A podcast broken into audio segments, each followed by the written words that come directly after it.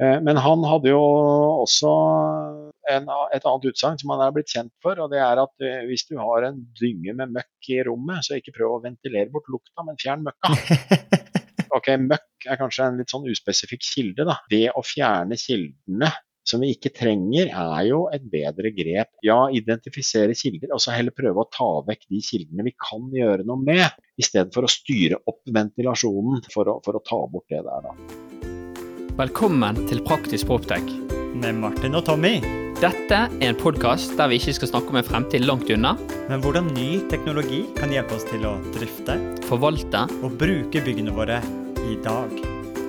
Vi vil vise deg de beste eksemplene fra innlandet Og fra utlandet.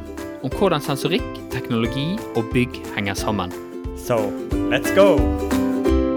Ok, Martin, da er vi tilbake på eh, det digitale studioet til Praktisk Proptech. Vi har jo vært mye på reise i siste. Det har vært mye ta pulsen på ting som skjer i bransjen. Og, og noe av tilbakemeldingen vi fikk etter en bransjefest på VVS-dagene, var jo at eh, vi må ha flere episoder der dere nerder dere ned på et tema, og ikke minst ta med en, en spesiell lytter som vi kan eh, lære mye av og bli glad i. Og eiendomsteknologi og sensorikken vi har fått inn, har jo muliggjort veldig mye mer data om byggene våre. Vi har fått tilgang til ikke bare mer data, men også forskjellige datapunkter. Og et av de datapunktene som eh, en lytter på bransjefest på VVS-dagene kom bort til oss og lurte på, hva er VOC, og hvordan skal vi bruke det egentlig i drift og automatisering av bygg? Og jeg vet at eh, den gjesten vi har tatt med oss, det er jo en, en gjest som tror han overgår deg ganske bra, Martin, på, på hva som finnes i luften. Selv om du, eh, du er brandet deg sjøl med at hvis, hvis kjærlighet var det eneste som fantes i luften, så hadde ikke du hatt en jobb. Men for, for å gjøre en god introduksjon, så vet jeg at du har ladet deg opp, Martin. Så Når, når lytteren vår i Lillestrøm ba, spurte oss om å ta tak i denne problematikken, så sa han også men det er bare én person i Norge som jeg vil ha diskutere svar på dette her, og det er Sverre Holøs. En nester som har dedikert hele karrieren sin til eh, innemiljø og inneklima. Ikke bare er du leder i Norsk innemiljøorganisasjon, jeg tror kanskje også at du var eh, initiativtakeren til å sette opp organisasjonen i Norge. Jobber i Sintef Community, det som het eh, tidligere Sintef Byggforsk, eh, og har ikke mindre enn 118 mediebidrag de siste seks årene relatert til innemiljø i populærmedia. Så det er nok mange som har både hørt, lest, sett tankene dine rundt innemiljøsfære. Velkommen inn i studio, det er en ære å ha deg her. Tusen takk. Det er fantastisk hyggelig å få lov å prate om uh, inneklima. Da er det bare å legge på en femmer, og så går smella. Ja, det har vi. Apropos det, her har jeg en eh, femkroning, så den er klar. Jeg tar dobbelt opp, vi. Ja. Eller to. ja, det kan bli for mye selv for spesielt interesserte, vet du. Jeg tenker før vi hopper til Vi har et veldig dedikert, dedikert tema å nerde ut om, men jeg tenker om jeg først fikk æren av å få deg inn i vårt digitale studio, Sverre, så kunne vi brukt litt tid til å mm, pakke litt ut din reise inn i byggenes verden, inneklimas verden, og, og hvordan du endte til å bli så lidenskapelig opptatt av, eh, av innemiljø. Jeg tror det startet med Sibora Kaukus, kan det stemme? Mm, nei. Uh, det er en fin historie det også. Fordi at jeg er utdanna biolog. Og jeg fant ut at når jeg tok eh, hovedoppgave, så hadde jeg en sjanse til å jobbe med noe som var helt kommersielt uinteressant. Og at det kanskje var siste sjansen jeg fikk i livet til det. Så da krabbet jeg rundt under rakletrær om våren og så på en bitte liten sopp som nesten ingen eh, har verken sett eller hørt navnet på, eh, og undersøkte populasjonsgenetikken eh, til den. Så det, det var en gøyal sak, men det var definitivt en utesak. Og så kom jeg bakveien inn i byggebransjen. Den bakveien gikk via et konsulentfirma som heter Mykotim, og som jobbet med sopp og råteskader. Og bokstavelig talt bakveien, altså inn i bakgården og ned kjellertrappa til ekte hussopp og sånne ting som gjorde at huset kanskje kom til å ramle ned. Og så beveget jeg meg litt oppover i etasjene, og i, i 93 så skrev jeg en liten bok sammen med en veldig god kollega om eh, muggsopp i bygninger. For det, det hadde man egentlig ikke sett så veldig mye på inneklimaeffektene av det. Men i Sverige var man blitt oppmerksom på det. Så Johan Mattsson og jeg skrev den boka for å få større oppmerksomhet. Etterpå det så har det kanskje tatt ørlite grann mer av enn en jeg er sånn 100% komfortabel med. Dette med, med frykten for mugg. Noen er veldig redd, og det er ikke sikkert det er grunn. Eh, Men dermed så kommer man jo også borti ventilasjon, for det er et veldig viktig tiltak for å unngå at det kondenserer og muggvokst og annet. Og så oppdager vi at ja, men det er jo andre ting også som folk reagerer Ja, Vi begynner vi å nærme oss eh, hovedtemaet her, men må, du, du nevnte bøker du har skrevet. I, I januar i år så skulle jeg pusse opp. Større, første gang jeg gjorde et større oppussingsprosjekt, vedlikeholdsprosjekt i min leilighet der i, på Tøyen i Oslo. For hvis jeg skal sette i gang med noe nytt, så er første besøket alltid biblioteket. Det har det jeg hatt siden jeg var eh, en tenåring. Og da, vet du, dette var boken jeg lånte. Nå viser jeg på kamera. Vedlikehold. Sjekkpunktene innendørs. Ja, den, ja. Så dette her er da en bok av Sverre Holøs. Er det deg som er på forsida? Nei, det er det faktisk Nei. ikke. Det kunne vært. Men, eh, men jeg, det, er, det er ganske mye min, mine produkter på, på innsida, da. Ja. Det er kanskje noe av det jeg, jeg, jeg får av og til litt dårlig samvittighet for. At jeg, jeg blir så ivrig og snakker om alt som er så Ja. viktig. Og så glemmer jeg litt å nevne at Og dette har jeg lært her, og dette har jeg lært der. Så disse bøkene for Boksenteret, det, det begynte egentlig med at det var én bok mangler en forfatter. Eh, Det var om badstuebygging. Og så sa jeg ja, badstuebygging kan jeg ikke så veldig mye om, men jeg har to, jeg har to kjempegode kolleger eh, som kan dette her. Så da kan jeg være den eh, som kommer med det den menige huseieren lurer på. Så får jeg dem til å forklare det sånn at jeg skjønner det, for da blir det faktisk ganske forståelig. Men Sverre, har du skrevet bok om badstuebygging? Ja, sammen med Knut Audum Åh. og Tore Jeg Haug. føler at jeg har feilet i mitt forarbeid, for det var jo en eh, bra fact som jeg skulle fått fram. Nå var det feil bok. Ja, men vedlikehold, det er, det er, det er kjempe Den er jo veldig mye mer relevant for, for inneklima for de fleste. Det å ta vare på ting. Det å ta vare på, Sørge for at huset tåler å stå ute. Eh, vedlikehold utvendig og innvendig. De små, banale tingene. Sjekke at det er, ting er fuktsikre og virker som det skal, og at ventilasjonen er i gang. Eh, og Det er viktig for huseierne, og dere vet jo eh, godt at det også er veldig viktig i eh, yrkesbygninger eh, og sånt. Og at Mye handler om drift og vedlikehold, og sørge for at ting virker sånn som det var tenkt at det skulle virke. Der kommer vi fort inn på, på med, med den jobben som, som du gjør til daglig i, i Sintef. Og, og der òg er det ekstremt mye spennende, spennende forskning som har vært. Jeg, jeg satt jo bl.a. i et av prosjektene dine, jeg vet ikke om du vet det, men jeg satt i Folke Bernadottes vei 40, som var en del av dette Best Vent-prosjektet. Ja, Kan du fortelle litt om eh, For meg så er det det mest kjente av dem, men kan du fortelle litt om, om hva dere gjør i Sintef Community og, og disse prosjektene dere har hatt? Ok, Vi får ta med at vi har fire forretningsområder. Eh, Vi har forskning, som er eh, godt kjent, og, og som Bestvent er et veldig godt eksempel på. Eh, Og så har vi eh, produktdokumentasjon, eh, godkjenninger. Tekniske godkjenninger av byggprodukter, som ikke jeg jobber så mye med, men som er en veldig viktig del. Man kan være sikker på at eh, de produktene man eh, tenker å bruke, faktisk egner seg til det man har tenkt å bruke dem til. Så har vi kunnskapsformidling med Byggforsk-serien, som er en sånn uh, påle i eh, norsk byggebransje med hvordan bygge for at du skal eh, tilfredsstille alle lover og forskrifter og få fornøyde brukere. Så har vi en del sånn eh, forskningsbasert rådgivning som er mer ute i prosjektet. Bestvent-prosjektet som du nevner, det var jo et eh, kjempemorsomt eh, prosjekt å være med på. eh, med mange gode bedriftspartnere og også eh, veldig sterke forskningspartnere. Sånn at eh, mye av resultatene som jeg refererer til med, med flyktige organiske forbindelser og små partikler i lufta og sånt, eh, det, der lærte vi veldig mye. eh, Og vi lærte veldig mye fordi vi hadde med oss gode partnere fra, fra NILU på, på Kjeller og fra Universitetet i Oslo. Så men prøv å ikke glemme det at eh, når vi nerder oss ned i VOC-ene, så, så, så var det et veldig godt teamarbeid eh, mellom flere forskningsinstitusjoner. Og så hadde vi eh, bedriftspartnere som var veldig på. Eh, og kanskje spesielt nevne undervisningsbygget i Oslo, som eh, stilte klasserom til eh, disposisjon som, som feltlaboratorium. Så var det ganske riktig som du sier, Folke Bernadottes i, i Bergen med DNBR. Og det er jo kanskje også en god overgang til temaet vi skulle ta opp. For at eh, når vi snakker om behovsstyrt eh, ventilasjon, så er det i kjernen basert på at man bruker sensorer til å faktisk måle behovet for ventilasjon, til å regulere hvordan man ventilerer. Um, og en av de Tradisjonelt har vel det først og fremst vært basert på CO2, eh, temperatur, kanskje i noen tilfeller fuktighet. Men nå har vi i den porteføljen av sensorikk på bygg har vi fått VOC-er. Kan vi ikke begynne med hva er VOC?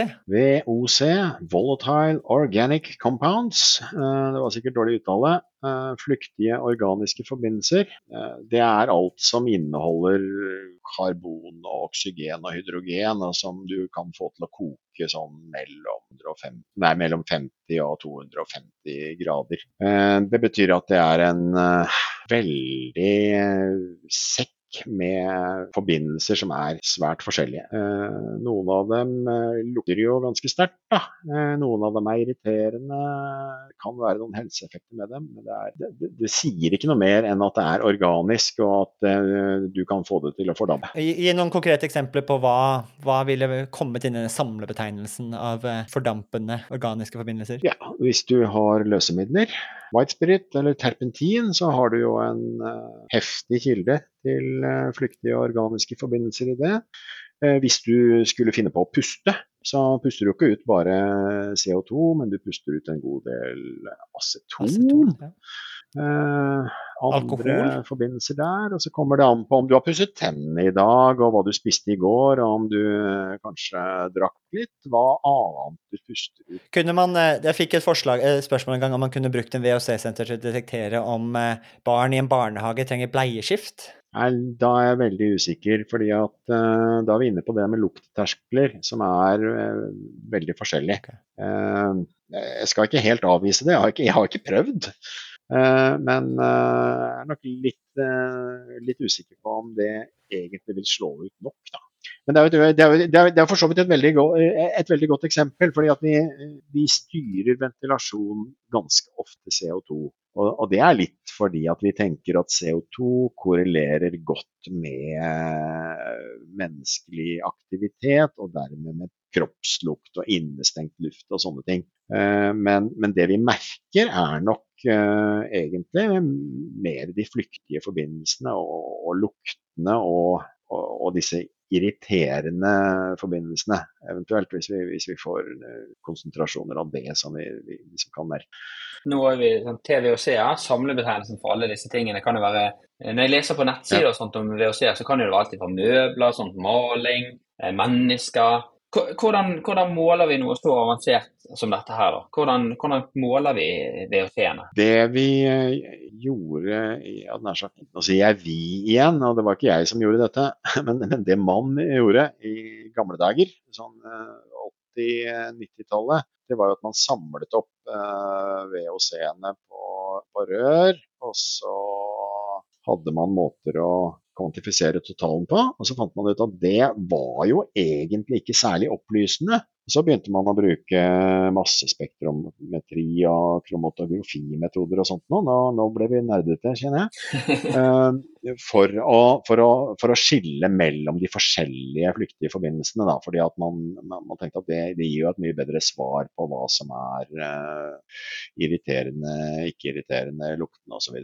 Uh, og så har man jo noen sånne mer eller mindre spesifikke VOC-sensorer. Vi har noen som går på ionisering. Det er jo da litt dyrere sensorer som eh, vil ta med seg et, et stort spekter av, av flyktforbindelser. Og så har man fått eh, metalloksid, eh, altså silikonsensorer, da, som, som, blir veldig billige i produksjon. Og, som eh, også kan slå ut på, på VOC. Men hvor Eh, hvor godt eh, de Du kan oversette et, et signal, eh, elektrisk signal fra en sånn sensor til en konsentrasjon av flyktige forbindelser i lufta, det, det, det er jeg litt spørrende til. For Det er jo litt sånn interessant når vi ser på disse VOC-loggene, så ser vi det at på sensor og sånn, så ser vi at oi, der var det en kjempestor spike. Og så er det akkurat sånn som du sier, vi, vi, vet jo ikke hva det var. Vi vet ikke om noen åpnet en appelsin, eller om det var en kjempestor um, metanlekkasje i bygget. Um, men, men, hvis vi tenker litt uh, hvis vi tar med oss litt tilbake i historien Vi har jo hatt John Viking Tunes i, i studio med, med ventilasjonsteknikk. og han, han, sier jo det at ventilasjon med Fanger sin forskning, så var jo denne lukt. Uh, og, og, og TVOC-er, det er jo veldig mange av de som òg lukter, ikke det? Da, det er det. Men om det lukter svette eller kanel eh, eller eh, hva måtte, nesten hva du måtte tenke på. Nesten alt vi kjenner av lukt er jo innen den kategorien der. Så det kan være hva som helst. Og, og lukteterskler er ekstremt forskjellige. Så, så det, det derre eh, Nesa vil, vil, egentlig være en, en, en betydelig bedre indikator for, for lukt, ikke overraskende kanskje, eh, enn en et signal på en sånn eh, VOC-sensor. Men, men, du er inne på noe, noe vesentlig. altså det, det, det de egner seg til, er jo å merke at oi, her skjedde det noe. Men uh, å finne ut hva som skjedde, da må du vite ganske mye om uh, hvor den sensoren er plassert, og hva som kan tenkes å foregå der. De lavkostsensorene vi ser nå i bygg, eh, den måleprinsippet der som du var inne på, er den metalloksidplate. Så det er en sånn metallplate som er, sens som er att attraktiv for disse um, kjemikaliene i luften. Tiltrekker seg de, frigir elektroner når de kommer ned, så øker spenningen over den lille, bitte lille metallplata. og men vi vet ikke hva slags kjemikalier som ble tiltrukket seg av denne metalloksidplaten. Så det er veldig vanskelig å vite egentlig hvilken VOC-er man fanger opp på de sensorene, fordi man ikke tar en luftprøve i et rør og sender til laboratoriet og gjør en eh, spektralanalyse av de. Um, så da er jo spørsmålet, hvis, hvis de sensorene nå er tilgjengelige, de er mye rimeligere enn CO2-sensorer, men kan, kan, vi bruke det i drift og styring? Vi har et par uh, spørsmål som vi ikke syns er veldig godt besvart før vi eh, kan si at det er en god idé å behovsstyre ventilasjon med eh, VOC. Det ene er jo er det, er det representativt for personbelastningen? Er det, er det, bedre eller dårligere for å representere personbelastningen? og hva er holdbarheten eh, av disse her.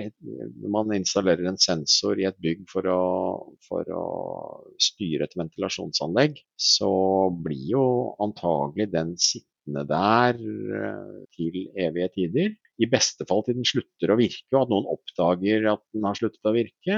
I verste fall lenge etter at den har sluttet å virke. Så, så vi er på en måte opptatt av at det er et eh, kalibrerings- og vedlikeholdsbehov for, for, sensorer som skal, skal, gjøre noe såpass viktig som å sørge for at vi får eh, frisk luft i lungene. Og Der har vi vel ikke så langt sett at, vi, at, det er uh, veldig god dokumentasjon på, på, holdbarhet, og hvordan man sjekker at det faktisk fremdeles viser det det viste da man installerte denne her. CO2-sensorer bygger jo gjerne på, på absorpsjon av, uh, av lys. Det er kanskje en uh, teknologi som det er litt lettere å kontrollere stabiliteten av over tid. Mm, mm. Så en, en, bekymring du har, er om uh, hvis vi tenker at uh, levetiden på teknisk anlegg er 10-12-15 år, helst, som vi skal, vil jo at de sensorene vi bruker for behovsstyring skal fungere så lenge, er, kommer disse til å vise, vise relativt det samme over lengre tid. Kommer de til å ha den samme sensitiviteten eh, over hele livstiden. Men hvis vi tenker utenfor som et um, Nå har vi tenkt på VOC-sensoren som en, en, styringssignal inn i automatikken, men hva med som en indikator for drift? Og vi tenker, når vi, når vi føler oss litt uvel, så tar vi temperaturen. Eh, tar vi en temperaturmåling, og som ikke sier egentlig noe særlig om har, hvilken diagnose vi har, eller hva som feiler oss, men gir en indikasjon på at her er det noe som krever videre oppfølging. Her har vi kanskje et problem hvis vi har litt høy eller kanskje veldig lav temperatur.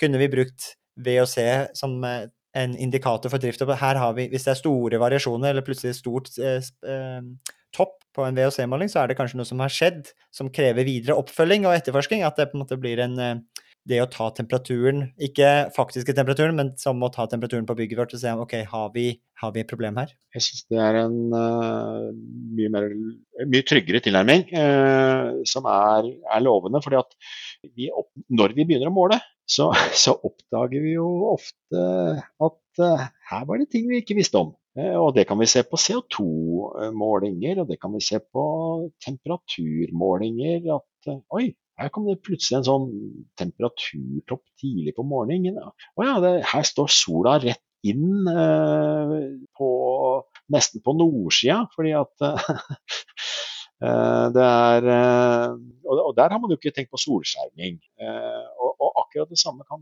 kan, kan, man se på ved å se at oi, her, skjer det noe. Her får vi veldig høye peaks på, tidlig på morgenen f.eks. Eh, hva er det egentlig som brukes i, i renholdet av denne bygningen her? Eller man kan tenke seg at man har tilfeller der man skal ha et avtrekk. Det kan være fra, fra kjøkkenavtrekk, som vi jo jobber med forskning nå. Eller det kan være fordi man har et avtrekksskap eller noe sånt. Nå, hvor man kan få indikasjoner på at nei, nå skjer det noe unormalt. Nå må vi sjekke hva som skjer. Uh, har vifta avtrekket vårt sluttet å virke? Har vi en unormal kilde i, uh, i bygningen vår. Det er jo uh... jeg, har litt, jeg, har lyst til å dele noe eh, egen forskning. Det er ikke så grundig som deg, Sverre. Det snakket vi litt om før, før recording. Jeg, på. Jeg har en sånn konklusjon som vi tok på et gammelt bygg en gang. Og Det var rett og slett et, et bygg der vi slet med ekstremt mange VVS-spjeld som var litt effekt, og så hadde de låst seg i minimumsstilling. Og Det var et, et gammelt bygg der som ga masse avgasser for seg. Så TVOC Eh, den lyste ganske høyt om natten når ventilasjonsanlegget var nede. Og så klarte vi faktisk å se nøyaktig når ventilasjonsanlegget startet. For da fikk vi den friske luften inn. Men det som var veldig artig der, det var jo det at det ga oss et ganske bra heatmap der vi kunne feilsøke på oi, hva rom er det som har veldig dårlig utluftning? Hva rom var det som var låst i minimumsstilling? Så vi brukte faktisk TVOC til å feilsøke på defekte VV-spill en gang i tiden.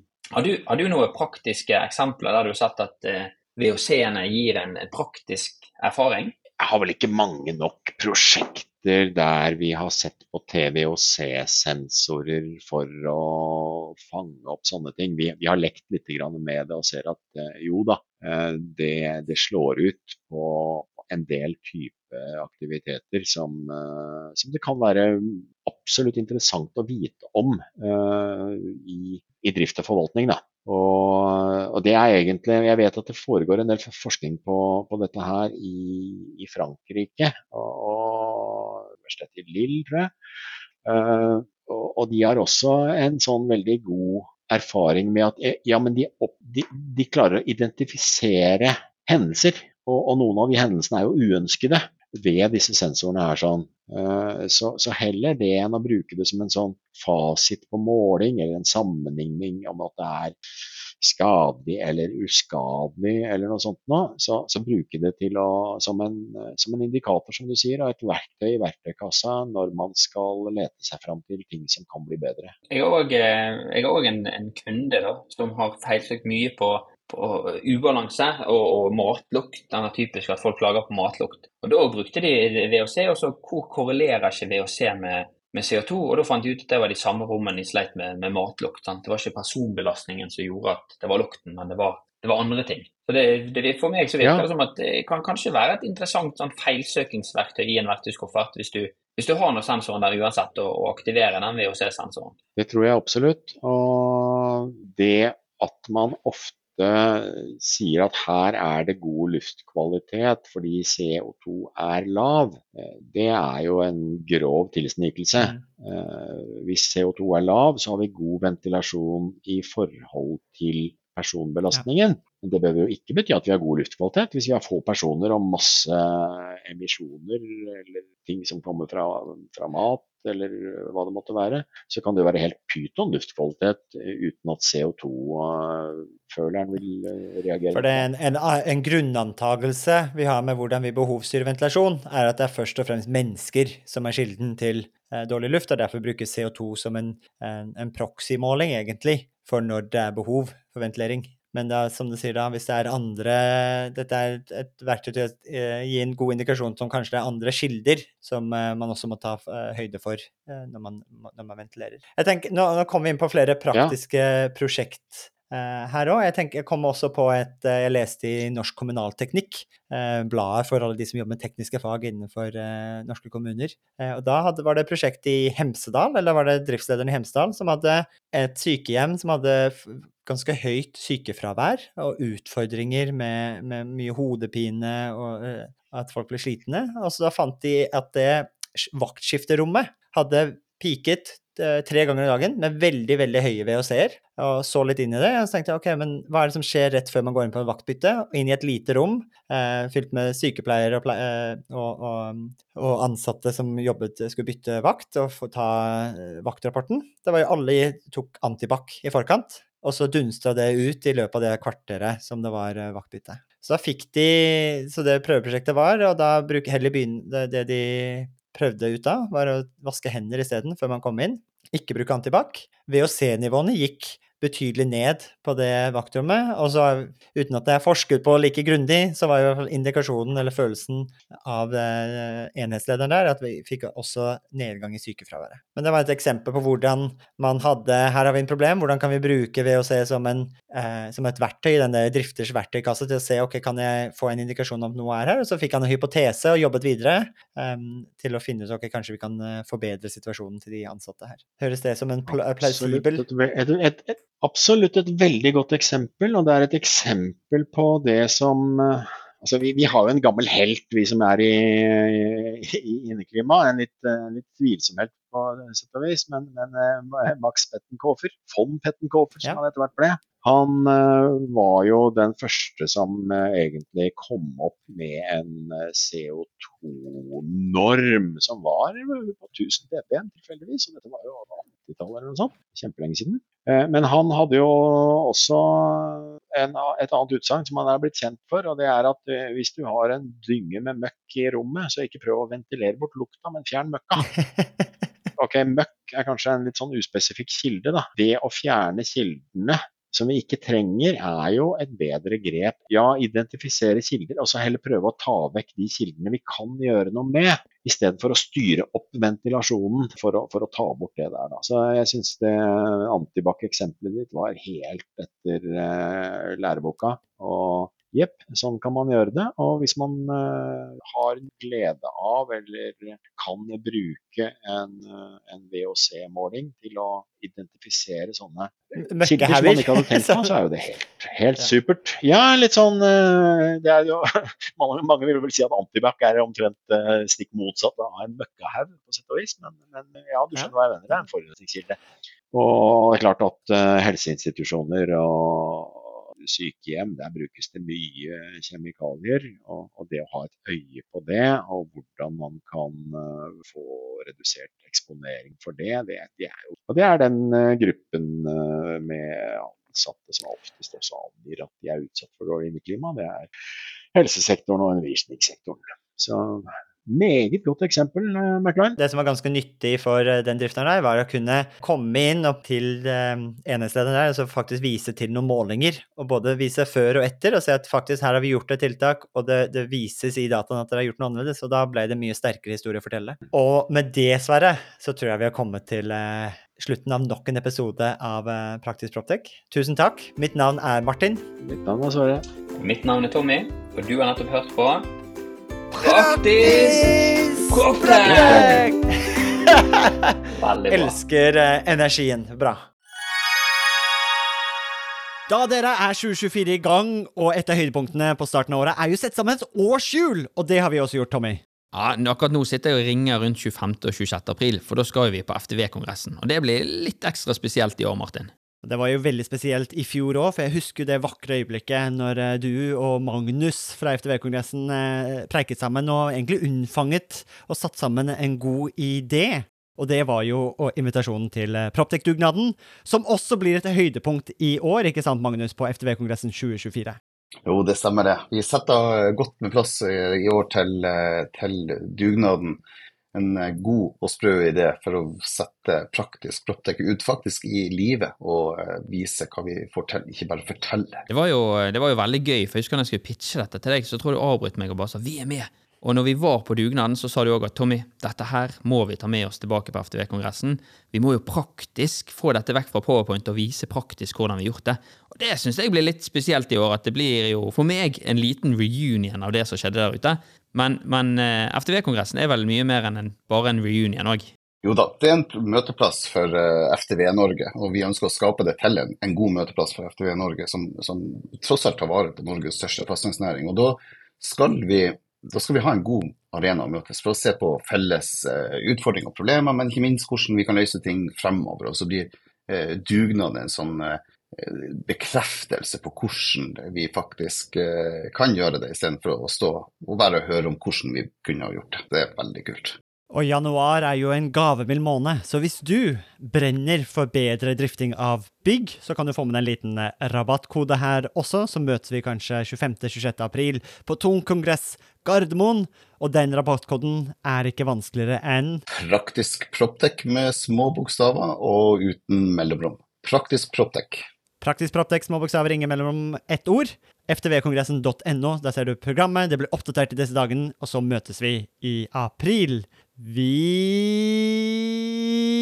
Vi ses! ses!